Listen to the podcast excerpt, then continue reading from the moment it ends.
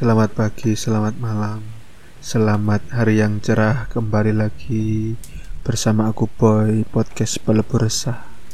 Bagaimana kabar para pendengar sekalian? Semoga baik dan berbahagia selalu dan semoga hari-harimu cerah kembali. Jika dalam podcast ini mungkin mendengar gemericik suara, suara hujan, suara air yang menetes dari langit ke bumi. itu suara backsound saja karena aku rindu bumi ini dibasahi dengan keindahan dan kasih sayang agar tidak kering kerontang. hmm. So, sorry ya para sahabat-sahabat semua. Kali ini aku mau membahas sesuatu yang agak riskan, agak sensitif untuk dibahas. Sebenarnya sudah banyak media-media dan konten kreator yang bahas ini. Namun biarlah aku melihat dari sudut suatu kejernihan. Masih ingat gak dengan kasus Reinhard Sinaga? Salah seorang warga negara Indonesia yang diinvestigasi atau disidang pada tahun 2017. Sebelumnya aku ingin mengucapkan rasa salut dan banggaku pada pemerintahan Inggris yang sanggup dengan bijaksana membungkam media massa sampai tahun 2019 baru kemudian kasus Reinhard Sinaga ini mencuat di permukaan di publik. Ini bukan tentang menutupi kebenaran tapi lebih menjaga perdamaian dan memulihkan kesehatan para korbannya. Karena banyak korban yang mengalami trauma berat kasihan mereka. Intinya ya perlindungan para korban. Oke kita kembali kepada kasusnya Reinhard Sinaga ini. Uh, backgroundnya dia ini lulusan strata 1 arsitektur kemudian S2 nya sosiologi dan uh, sedang menempuh doktoral di bidang geografi manusia. Sebenarnya cukup pintar dan bisa dibilang pintar juga jika dilihat dari rekam jejak pendidikannya. Namun sayang berujung pada suatu tindakan yang hmm, gimana ya menyebutnya? Entah harus disebut apa. Aku sih gak mau menghujat atau memaki karena Reinhardt sudah difonis umur hidup karena hukuman penjara adalah proses kebenaran dari kebenaran. Korban pelecehannya sekitar 195, mungkin juga sampai 200, yang jelas ratusan lah.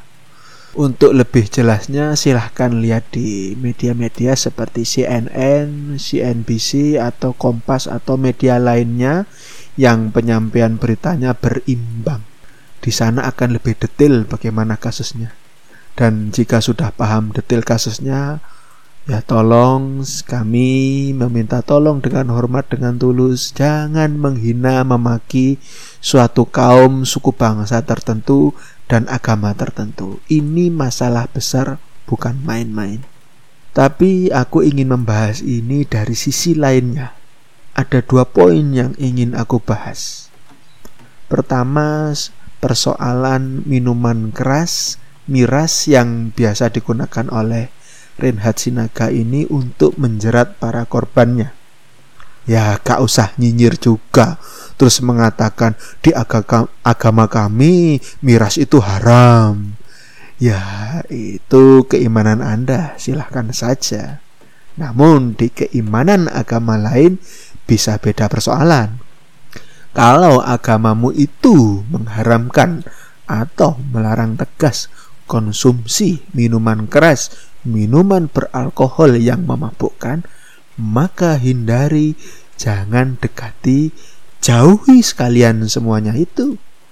Nah, jika agamamu itu membolehkan atau memberi kelonggaran, keringanan pada suatu miras minuman beralkohol yang berpotensi memabukkan, maka jangan sampai mabuk hilang kesadaranmu. Hilangnya kesadaranmu lebih berbahaya lagi. Karena hilangnya kesadaran gak harus mabuk kok. Lah, Kalau kita ini disuntik bios total ya bisa hilang juga semaput, pingsan.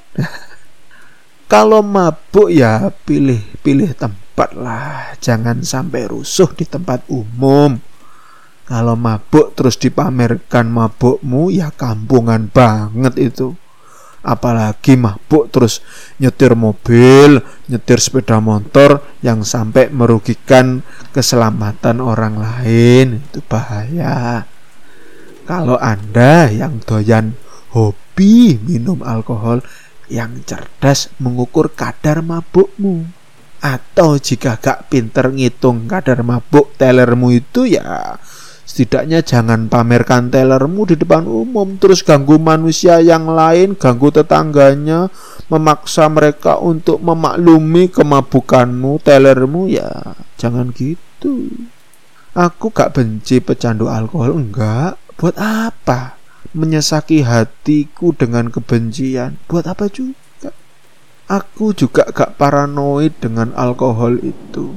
Lah, bukankah alkohol itu itu berguna juga untuk membersihkan kuman dan bakteri ya.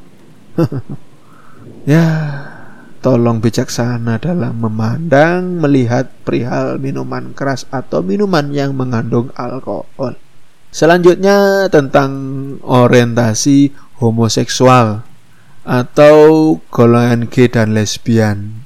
Penyuka sama jenis lah istilahnya apalah. Terserah pada kalian bagaimana menyebutnya. Hanya saja, sekali lagi, jangan membenci. Perlu diketahui, aku pribadi sama sekali tidak membenci kaum gay dan lesbian ini. Buat apa coba? Perlunya memelihara kebencian di dalam batin itu apa? Waspada, iya perlu sekali, jelas itu. Bukan curiga, bukan.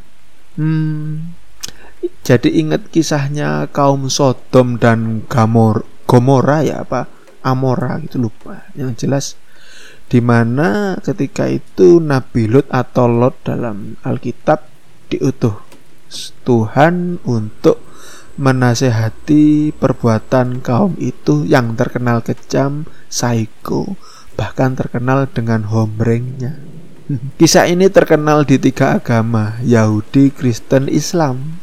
Untuk agama Buddha, Hindu, Konghucu, tahuku juga tidak pernah menyebutkan atau mengajarkan homoseksual. Sekali lagi, aku tidak membenci pelaku-pelaku homoseksual. Aku pernah punya teman ya keakrab juga. Dia ini gay. Aku hormati dia sebagai manusia. Nah, masalahnya kita kan sama-sama cowok. Atau gini deh, jika kamu itu cowok terus punya teman cowok yang gay, nah kemudian bepergian traveling rame-rame dengan banyak orang, pada malam hari kemudian capek terus nginep di sebuah hotel bagi-bagi kamar. Nah, kamu dapat jatah sekamar dengan temanmu yang gay. Apakah kamu mau sekamar dengan dia yang gay? Kamarnya single bed lagi, satu kasur bukan twin bed yang dua kasur itu. Nah, di mana orientasi seksual teman cowokmu itu mengarah pada cowok lo ya, bukan pada cewek. Kamu cowok. Nah, itu masalahnya. Sekarang coba gini aja, bagaimana jika kamu yang cowok ada dalam satu kamar dengan cewek? Nggak perlu cantik, biasa aja ceweknya. Bagaimana perasaanmu? Apakah hati dan pikiranmu masih bisa lurus atau sudah berkelok-kelok? Kalau aku sih mungkin bisa saja sudah berkelok ke sana kemari. Karena simple ya. Aku cowok. Lebih baik pindah kamar saja daripada terjadi hal-hal yang diinginkan, maka terjadilah hal-hal yang tidak diinginkan. Melarikan diri saja. Lalu bagaimana jika kamu yang cowok sekamar dengan cowok yang gay? Apalagi cowok gay ini kagum denganmu yang tampilannya matu, gagah perkasa. Nah, bagaimana? Apakah akan terjadi hal-hal yang diinginkan atau yang tidak diinginkan? Hmm, bagaimana? Sederhana saja, aku menolak orientasi seks homoseksual, tapi tidak membenci karena para pelaku perlu diluruskan pemahamannya, pemirikan pemikirannya. Gampangnya perlu diajak tobatlah mereka ini. Nyatanya Tuhan saja tidak menyukai perbuatan ini. Jangan main benci terus menghina dengan ancaman asap hukum Tuhan. Ingat ya, Nabi Lut itu datang dengan damai, dengan ceramah bukan caci maki. Karena ulah kaum Sodom dan Gomora yang semakin psycho sampai menantang hukum Tuhan, mereka terus dibinasakan dengan azab yang sangat mengerikan. Jangan dikit-dikit emosi marah dengan dalil hukum Tuhan yang pedeng. Masalahnya kalian yang teriak-teriak memaki itu jauh lebih menyedihkan karena tidak mencontoh kesabaran Nabi Lut. Negara Indonesia yang tercinta ini juga harus tegas. Jangan sampai ikut-ikutan melegalkan hukum nikah sesama jenis. Dalam agama mana pun, kisah orang suci mana pun, para nabi, para rasul dewa di agama mana pun pun yang terkenal kemuliaan kebaikannya itu beliau-beliau menikah dengan lawan jenis cewek dengan cowok cowok dengan cewek bukan sesama cewek bukan sesama cowok. Gitu. Kalau sampai dilegalkan perbuatan homo ini kemudian bagaimana nasib kemurnian agama? Lebih-lebih para rohaniawan dan agamawan bagaimana menyampaikan ajaran agama yang suci, bagaimana menyelamatkan umat dari perbuatan yang sesat hina di hadapan Tuhan, bagaimana mengawal umat, mengawal bangsa ini ke arah akhlak yang mulia. Kasus Renhat ini bukan hanya tentang suatu kaum, suatu suku, atau agama tertentu. Ini tentang semua warga Indonesia agar lebih menguatkan diri dalam menyelami agama, mengenal Tuhannya. Kenapa kita tidak membangkitkan semangat pertobatan kita? Apa salahku kok disuruh bertobat? Lah, merasa tidak salah itu sudah salah kok.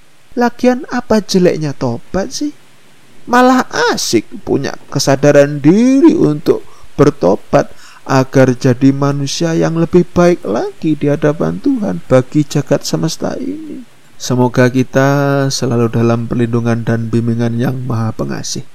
Dan teruntuk sahabat semua, jangan lupa like, share, bagikan ke seluruh penjuru, penjuru jagat, subscribe, bunyikan notifikasi, dan follow podcast Pelebur Resah karena setiap Rabu Sabtu kita bersua untuk berlogika penuh ceria. Hehehe. Sampai jumpa lagi. Bye bye.